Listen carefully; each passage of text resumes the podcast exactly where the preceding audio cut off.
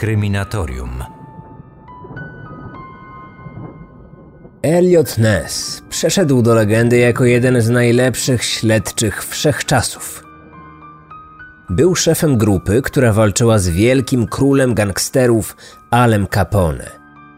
Elliot był odważny, inteligentny, nieszablonowy i przede wszystkim nieprzekupny. Był postrachem bandytów, przemytników oraz skorumpowanych policjantów, a przede wszystkim egzekwował prawo za wszelką cenę.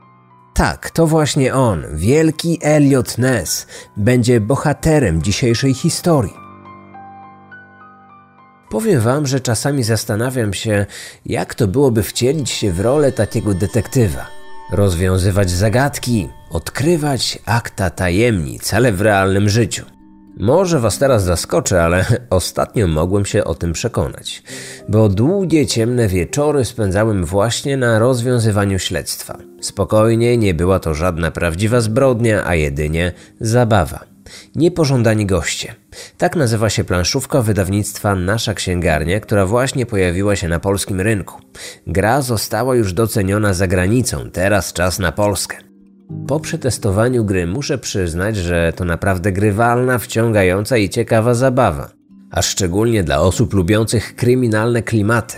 Zaznaczam jednak, że to jest gra dosyć skomplikowana i trochę czasu trzeba jednak poświęcić na jej zrozumienie, ale gdy już ogarniemy temat i ogarniemy zasady, to gra będzie czystą przyjemnością. Wcielamy się tam w rolę detektywów, Ktoś zamordował milionera Woodrafa Waltona, a jego zwłoki odnaleziono w gabinecie w jego rezydencji. W czasie, gdy miała miejsce zbrodnia, w domu było kilka osób i każda z tych osób ma informacje, które mogą nam się przydać. Zeznania tych ludzi, opinie biegłych i inne ważne ślady wypisane są na kartach do gry, które losujemy i którymi wymieniamy się między sobą. Musimy odkryć prawdę, zanim zrobią to inni gracze. W grze jest 7 różnych poziomów trudności. W tym najprostszym musimy odpowiedzieć na pytanie, kto zabił, jaki był motyw i jakie było narzędzie zbrodni. Później można brać się także za bardziej zaawansowane śledztwa i na przykład ustalić, czy nasz zabójca miał wspólnika. To już dla doświadczonych detektywów. W pudełku mamy dostęp do 39 różnych, unikalnych śledztw. Nie jest to więc gra na jeden wieczór. Można bawić się wiele razy i grać nawet z tymi samymi osobami, a rozwiązanie zagadki za każdym razem będzie inne. Ale to nie wszystko, bo jest też aplikacja dostępna na system iOS i na Androida i dzięki tej aplikacji uzyskamy dostęp do kolejnych tysiąca scenariuszy przebiegu zbrodni. Dzięki apce można też grać solo. Ale aplikacja to tylko dodatek, nie jest wymagana do tego, aby zagrać. Wystarczy tylko pudełko z grą. O tym, jak ta gra dokładniej wygląda, pokazuję na moim Instagramie. I co ważne, będę mieć tam też do rozdania kilka takich zestawów w tym tygodniu, właśnie na Insta, więc zachęcam Was do śledzenia mojego profilu Marcin Myszka 1. Tak mnie znajdziecie. Link do mojego Instagrama, w razie czego podsyłam też w opisie tego odcinka, no i tam też znajdziecie adres do zakupu tej planszówki. Niepożądani goście, planszówki, którą polecam. Kryminatorium. Otwieramy akta tajemnic. Gdy w roku 1957 po raz pierwszy została opublikowana książka zatytułowana Nietykalni, cała Ameryka natychmiast zakochała się w jej głównym bohaterze, młodym agencie Biura do Spraw Prohibicji z Chicago, Elliocie Nessie.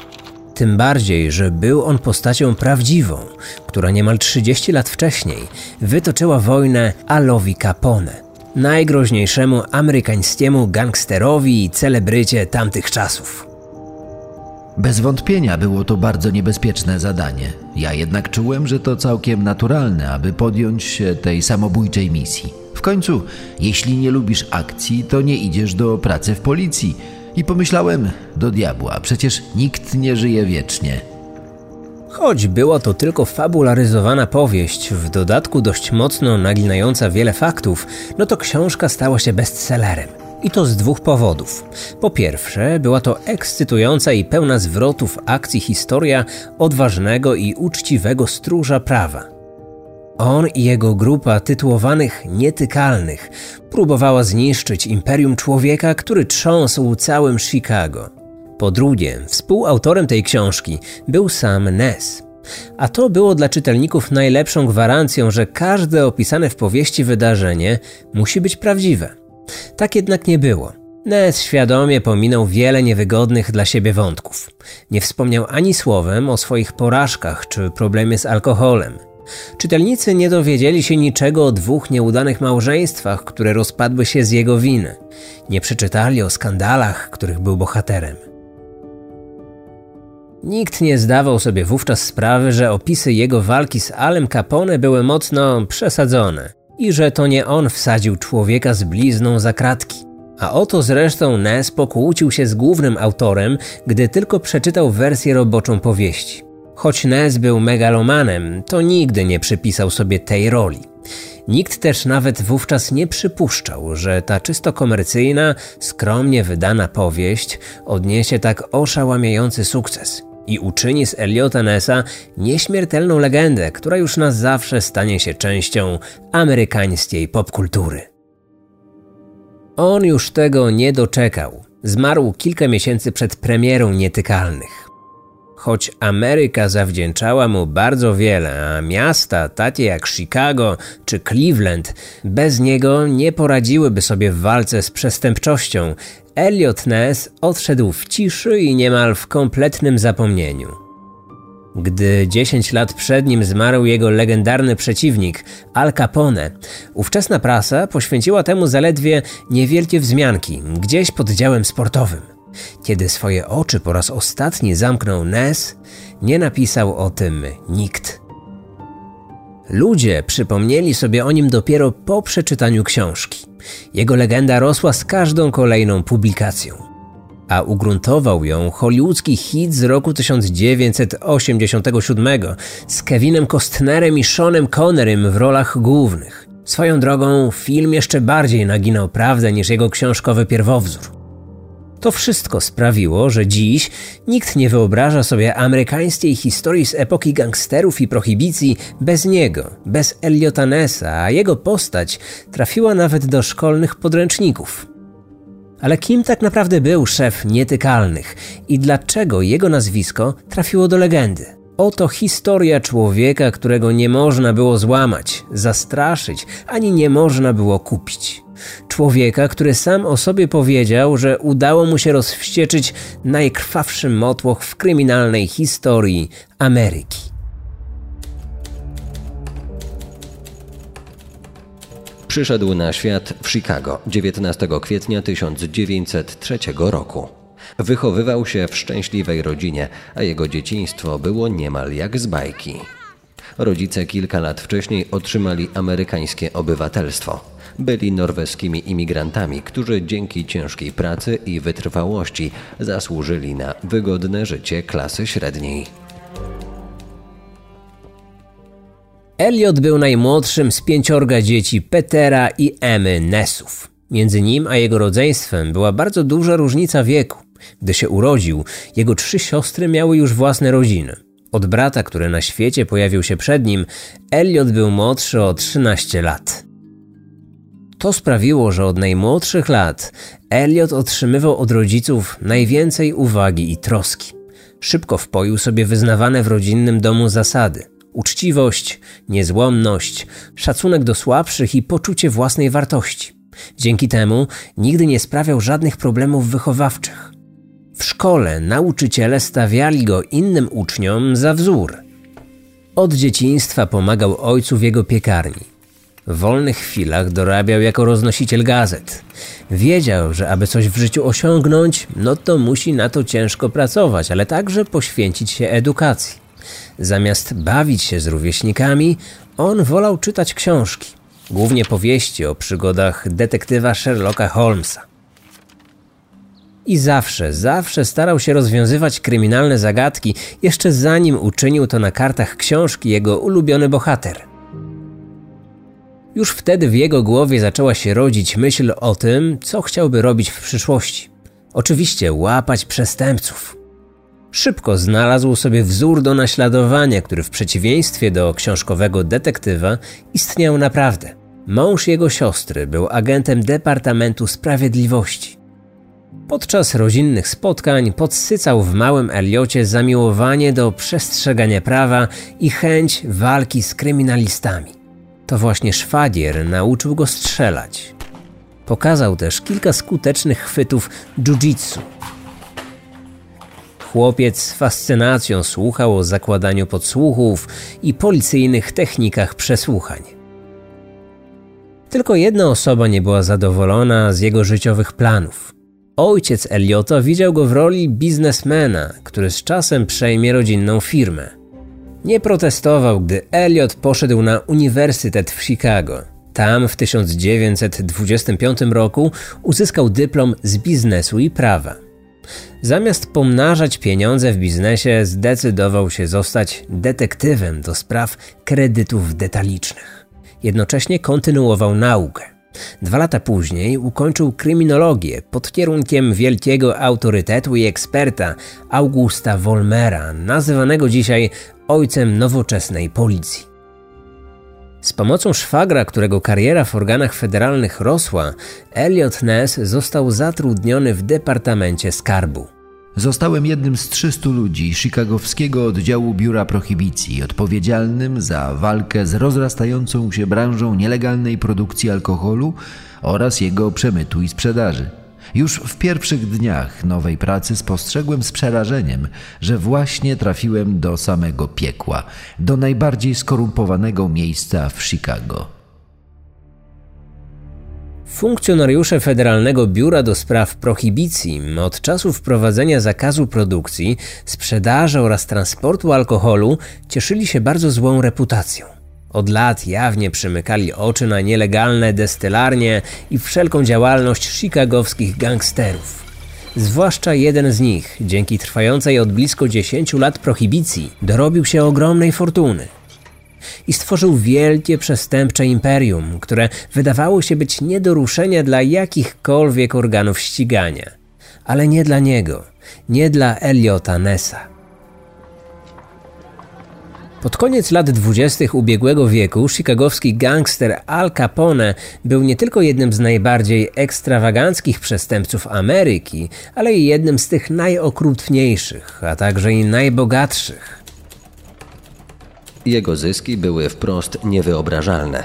Według szacunków rządu federalnego gang Ala Capone osiągał roczne dochody w granicach 120 milionów dolarów. Ta suma stanowi obecnie równowartość 1,5 miliarda dolarów. Mówiono wówczas, że mając takie pieniądze do dyspozycji, gangster był praktycznie właścicielem całego Chicago. Miał w kieszeni policję, sędziów i polityków. Wiedział, jak z nimi postępować. Po prostu przekupywał ich. Doskonale zdawał sobie też sprawę, czego pragną zwykli obywatele: nielegalnego alkoholu, prostytutek oraz hazardu i Al Capone mógł im to wszystko zapewnić. Mając po swojej stronie funkcjonariuszy porządku publicznego, gangster zdawał się sprawować w Chicago władzę absolutną. Po tej słynnej masakrze w dzień świętego Walentego, w wyniku której pozbył się konkurencyjnego gangu, jego wpływy wzrosły jeszcze bardziej. Podobnie jak jego pewność siebie. Od tej chwili rządził w mieście samodzielnie.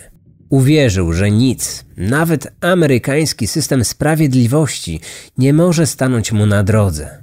Nowo wybrany prezydent USA, Herbert Hoover, był zdeterminowany, aby zakończyć karierę Ala Capone.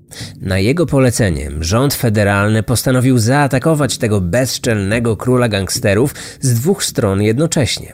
Urzędnicy skarbowi zaczęli prześwietlać jego legalne dochody, które nie pokrywały się z tymi ogromnymi wydatkami. Oznaczało to, że Al Capone nielegalnie zarabiał miliony, ale nie zgłaszał ich do urzędu skarbowego, a co za tym idzie, uchylał się od płacenia podatków, co było bardzo poważnym przestępstwem. W tym samym czasie agenci federalni zamierzali zaatakować gangstera za wielokrotne naruszenie ustawy narzucającej prohibicję. Biuro, którego członkiem był Elliot Ness, otrzymało zadanie zniszczenia imperium Al Capone, zajmującego się nielegalną produkcją, przemytem oraz sprzedażą alkoholu. Jednak znalezienie odpowiednich ludzi do tej roboty nie było łatwe. Odpowiednich, hmm, czyli takich, który ten najgroźniejszy chicagowski gangster nie byłby w stanie ani zastraszyć, ani przekupić. Jednym z niewielu funkcjonariuszy cieszących się opinią uczciwych i odważnych był właśnie Elliot Ness. I to właśnie on zwrócił na siebie uwagę przełożonych. Choć nie obyło się także bez drobnej pomocy ze strony mającego duże wpływy szwagra, który osobiście za niego poręczył. Tak czy inaczej, Ness otrzymał zadanie utworzenia i poprowadzenia specjalnego zespołu śledczego. Miał on za zadanie wytropić, a potem zniszczyć nielegalnie działające destylarnie Ala Capone oraz zebrać niepodważalne dowody na łamanie narodowej ustawy o prohibicji. Elliot tylko czekał na taką szansę. Nic więc dziwnego, że właściwie bez namysłu zgodził się podjąć tego trudnego zadania. Niektórzy ostrzegali tego młodego agenta, że porywa się z motyką na słońce, a jego niewykonalna misja z góry jest skazana na porażkę. W tym wypadku słowo porażka mogło dla Nessa oznaczać po prostu śmierć. Elliot nic nie robił sobie jednak z tych ostrzeżeń. Wiedział, że na taką szansę czekał, odkąd tylko został stróżem prawa. W końcu mógł osobiście schwytać groźnego przestępcę. I to nie byle kogo, bo samego króla gangsterów. Ness otrzymał więc akta osobowe wszystkich agentów pracujących w biurze prohibicji. Mógł osobiście wybrać ludzi, których potrzebował. Sukces jego misji zależał od tego, czy uda mu się znaleźć osoby uczciwe, którym mógłby zaufać. Nie było to zadaniem prostym, zwłaszcza w tak skorumpowanym mieście jak Chicago. Ale Elliot wiedział, czego chce i przede wszystkim wiedział, kogo szuka.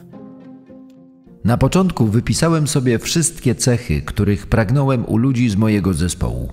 Potrzebowałem kawalerów w wieku nie więcej niż 30 lat, mających wytrzymałość zarówno psychiczną, jak i fizyczną, gotowych poświęcić swojej pracy przez długie godziny, często bez odpoczynku i zbędnych przerw, potrafiących posługiwać się i rewolwerem, i pięścią, ale przede wszystkim rozumem. Od razu wykluczył każdego, na kogo padał choć cień podejrzenia, że może być hazardzistą, lekko duchem lub amatorem damskich wdzięków. Początkowo wybrał 50 osób. Później swoją listę zredukował do 15 nazwisk. Ostatecznie w jego zespole znalazło się zaledwie 10, zdaniem Nessa najlepszych z najlepszych. Jego listę otwierał były sportowiec, Marty, irlandzki mistrz walki wręcz. Były strażnik więzienny sam był twardym, ale dość niepozornie wyglądającym detektywem.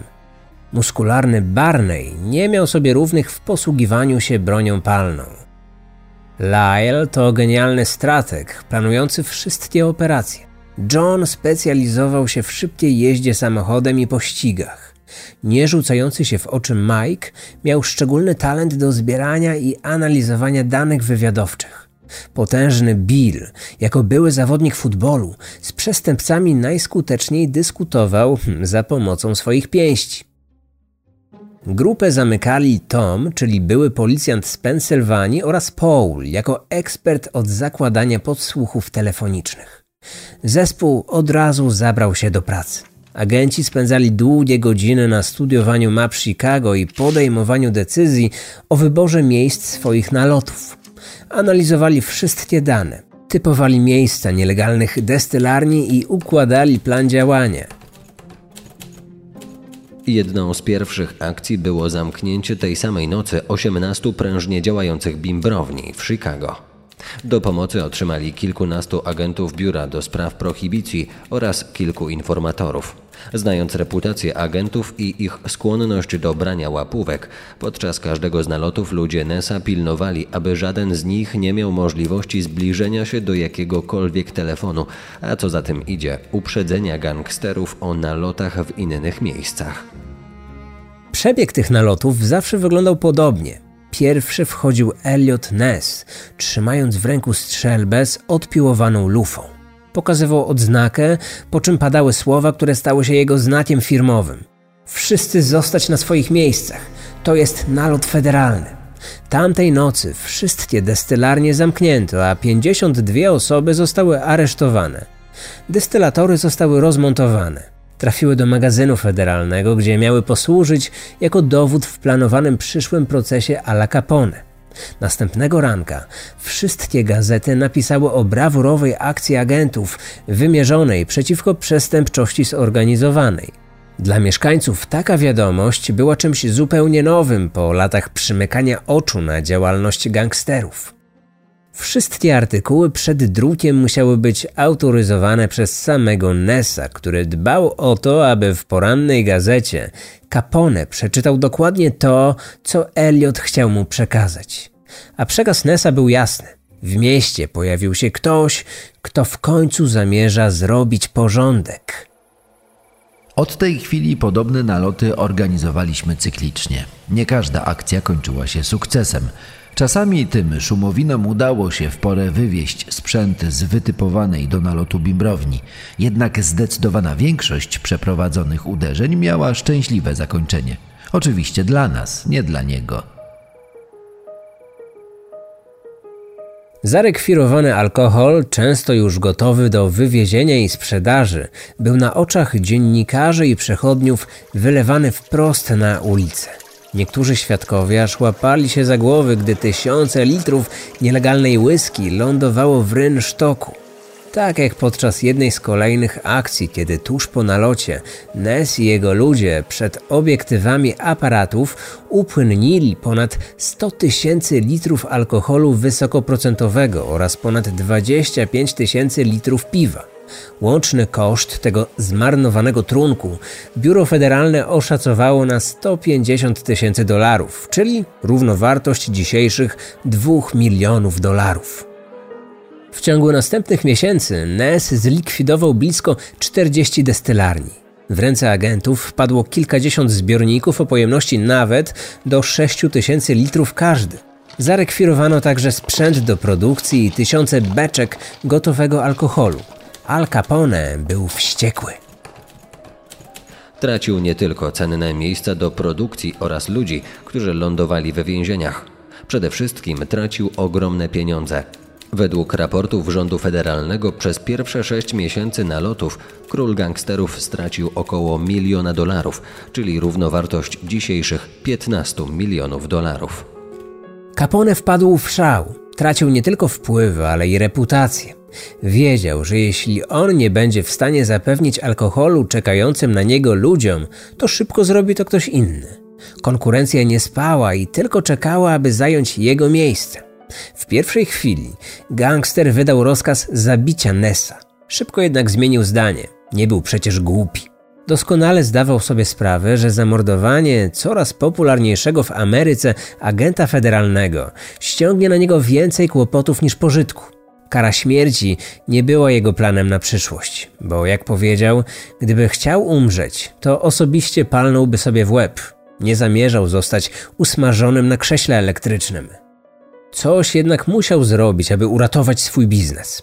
Do tej pory no najlepiej sprawdzały się koperty z pieniędzmi, które wręczał odpowiednim osobom za odpowiednie usługi. Tego samego zamierzał spróbować również z ludźmi swojego największego wroga. Jego posłańcy wyśledzili trzech członków zespołu Nessa, kiedy ci jechali samochodem ulicami Chicago. Przez opuszczoną szybę gangsterzy wrzucili agentom trzy duże koperty. Każda z nich zawierała 2000 dolarów i kartkę z informacją, że podobną kwotę będą otrzymywać co miesiąc, jeśli tylko zechcą uprzedzać o planowanych nalotach. Dla agentów zarabiających nieco mniej niż 3000 dolarów rocznie była to propozycja z tych nie do odrzucenia, ale nie dla ludzi Nessa. Mężczyźni szybko wytropili kurierów, dogonili ich i grzecznie podziękowali za hojny gest, a następnie oddali koperty w nienaruszonym stanie. Podobnie uczynił założyciel grupy, ale akurat jemu Al Capone zaproponował znacznie więcej 2000 dolarów, ale tygodniowo. Następnego dnia Elliot Ness zwołał specjalną konferencję prasową, na którą zaprosił kilkudziesięciu dziennikarzy.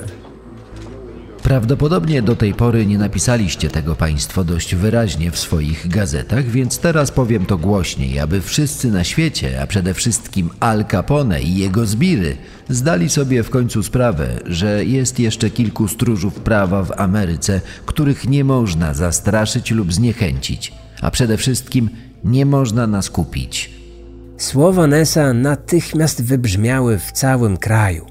Dzienniki od wschodniego do zachodniego wybrzeża cytowały jego wypowiedź. Jedna z gazet swój artykuł zatytułowała słowem nietykalni. To określenie bardzo szybko się przyjęło. Już wkrótce taką nieoficjalną nazwę przyjął zespół Nessa. Od tej chwili tych dziesięciu agentów stało się właśnie nietykalnymi.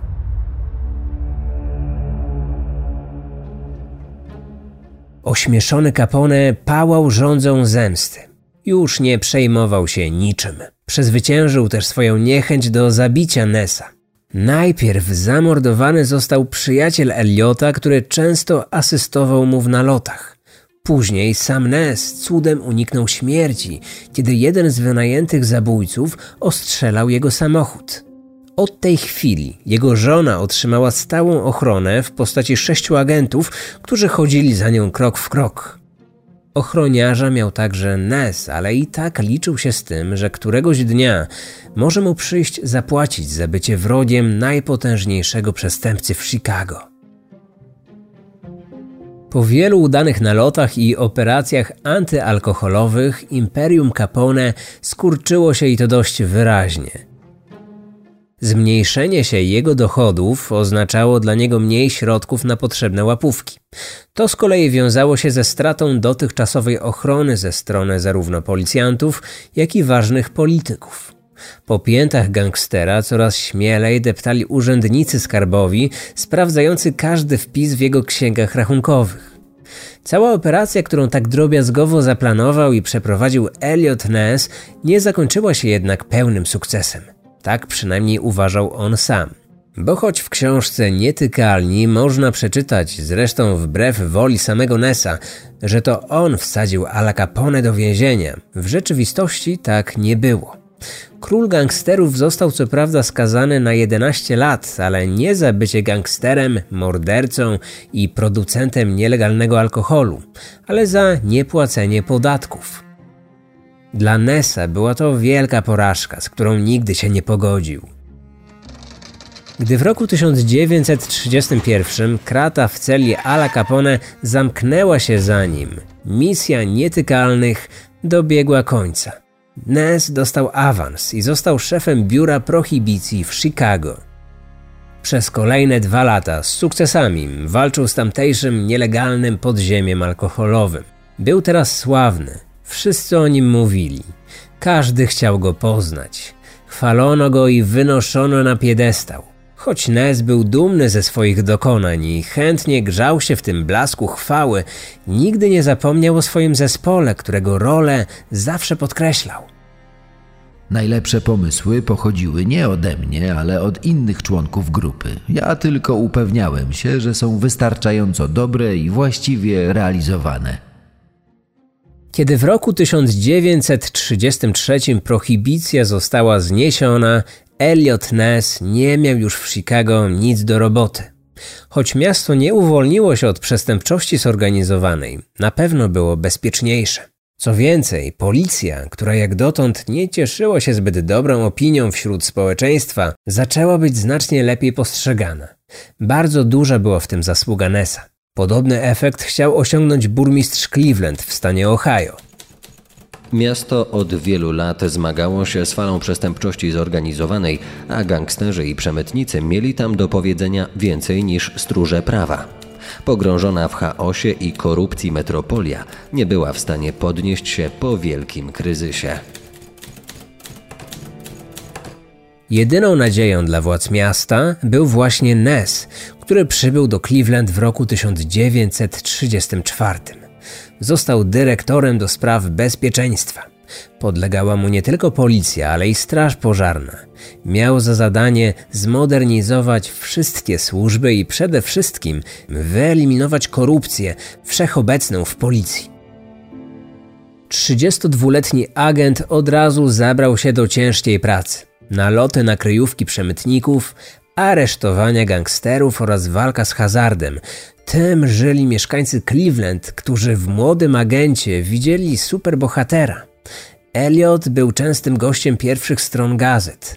Jego walka z korupcją w policji przysporzyła mu jeszcze większą liczbę zwolenników.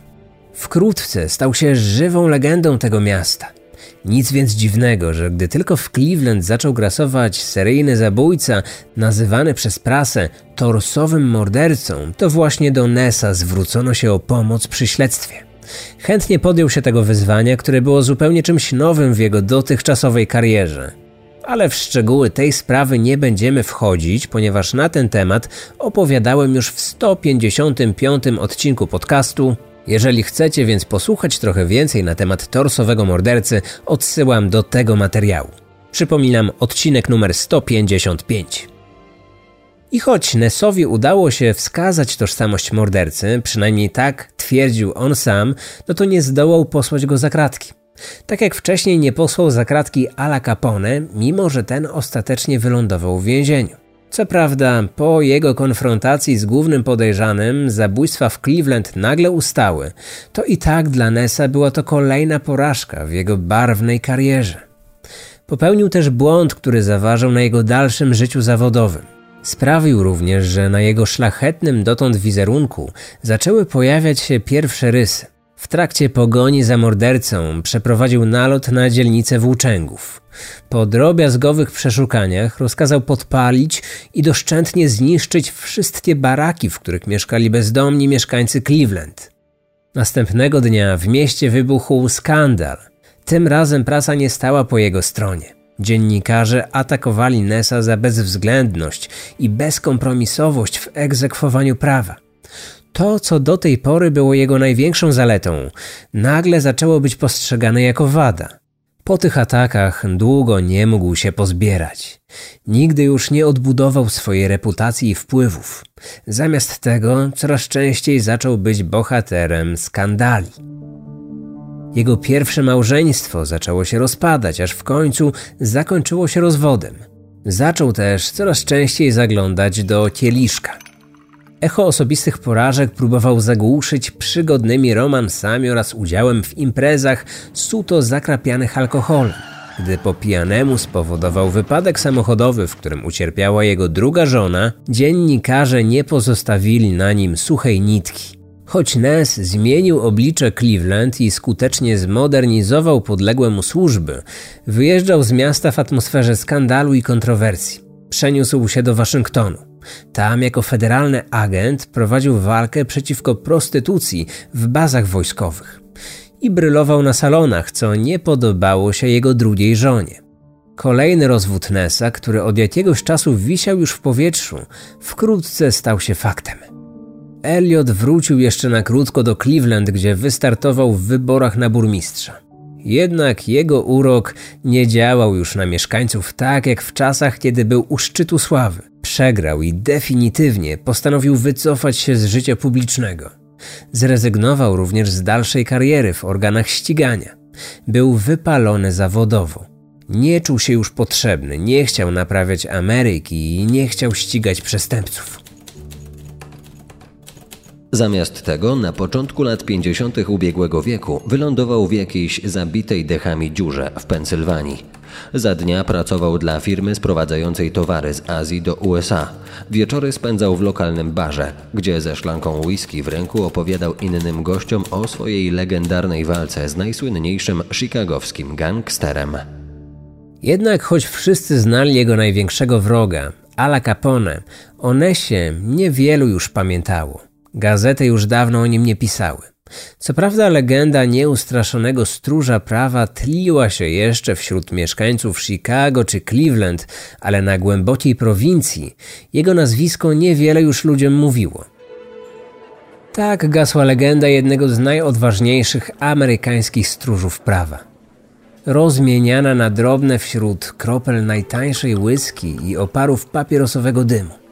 Na oczach ludzi, którzy z niego drwili – Nadzieją na poprawę sytuacji życiowej miała być dla niego książka. Swoimi wspomnieniami podzielił się z dziennikarzem Oskarem Frelejem. Ten obiecał mu bestseller w całości oparty na faktach i powrót do dawnej chwały. Nie uprzedził tylko, że zamierza znacznie podkoloryzować treść. Wykorzystał fakt, że Elliot Ness nie zapewnił sobie w umowie możliwości ingerencji w ostateczną zawartość książki. Gdy były agent przeczytał wersję roboczą, wpadł w szał. Pokłócił się z dziennikarzem, ale nic już nie mógł zrobić. W ramach honorarium Ness otrzymał jedynie 300 dolarów, co jego żona jawnie nazwała kpiną. A premiery książki już niestety nie doczekał. Zmarł kilka tygodni wcześniej na atak serca w kuchni swojego domu. W chwili śmierci miał 54 lata. Książka Nietykalni, pomimo skromnego nakładu, odniosła oszałamiający sukces i odbudowała dawno utraconą legendę Eliota Nessa, tego nieustraszonego stróża prawa, który toczył bezwzględną walkę z samym Alem Capone. Zainspirowała też innych twórców, którzy uczynili z Eliota ikonę amerykańskiej popkultury. Od tamtej pory o Nessie napisano kilkadziesiąt książek, powstały filmy i seriale, mniej lub bardziej powiązane z jego prawdziwym życiem. Pomimo swoich niewątpliwych wad, Elliot Ness był bohaterem, na jakiego Ameryka czekała od czasów słynnych szeryfów rodem z dzikiego zachodu. Bohaterem, jakiego Ameryka potrzebowała w tych trudnych latach 30. ubiegłego wieku. Ness poświęcił własne szczęście rodzinne, aby służyć krajowi ogarniętemu plagą przestępczości zorganizowanej. I do dziś pozostaje symbolem bezkompromisowej walki amerykańskiego wymiaru sprawiedliwości z najgroźniejszym gangsterem swoich czasów. Był tylko człowiekiem, miał wzloty i upadki, lepsze i gorsze chwile, ale jako jeden z nielicznych wierzył, że walka o sprawiedliwość ma sens że prawo ma służyć uczciwym obywatelom, a nie gangsterom. I tak został też zapamiętany. Jako człowiek nie dający się zastraszyć, nie do złamania, nieustraszony, nieprzekupny, nietykalny. Przypominam jeszcze o naszej planszówce. Niepożądani goście to też jest jakiś sposób, aby wcielić się w rolę detektywa. Wpadajcie na mój Instagram, gdzie w relacjach na story pokazuję właśnie tę grę planszową, czyli Niepożądani goście i zachęcam Was do wzięcia udziału w konkursie, bo kilka planszówek trafi właśnie w Wasze ręce. Post konkursowy pojawi się u mnie w nadchodzących dniach, no a może już się pojawił, zależy od tego, kiedy słuchacie tego odcinka, więc tym bardziej radzę się śpieszyć. Marcin Myszka 1 na Instagramie. Zapraszam. Odcinek powstał na podstawie książki Nietykalni, którą Elliot Ness napisał wspólnie z dziennikarzem Oscarem Freyleyem. Wykorzystano również biografię Nessa napisane przez takich autorów jak Merlin Bradley, Paul Heimel, Douglas Perry, Charles River, Max Collind oraz Brad Schwartz. Ten odcinek powstał przy współpracy z wydawnictwem Nasza Księgarnia.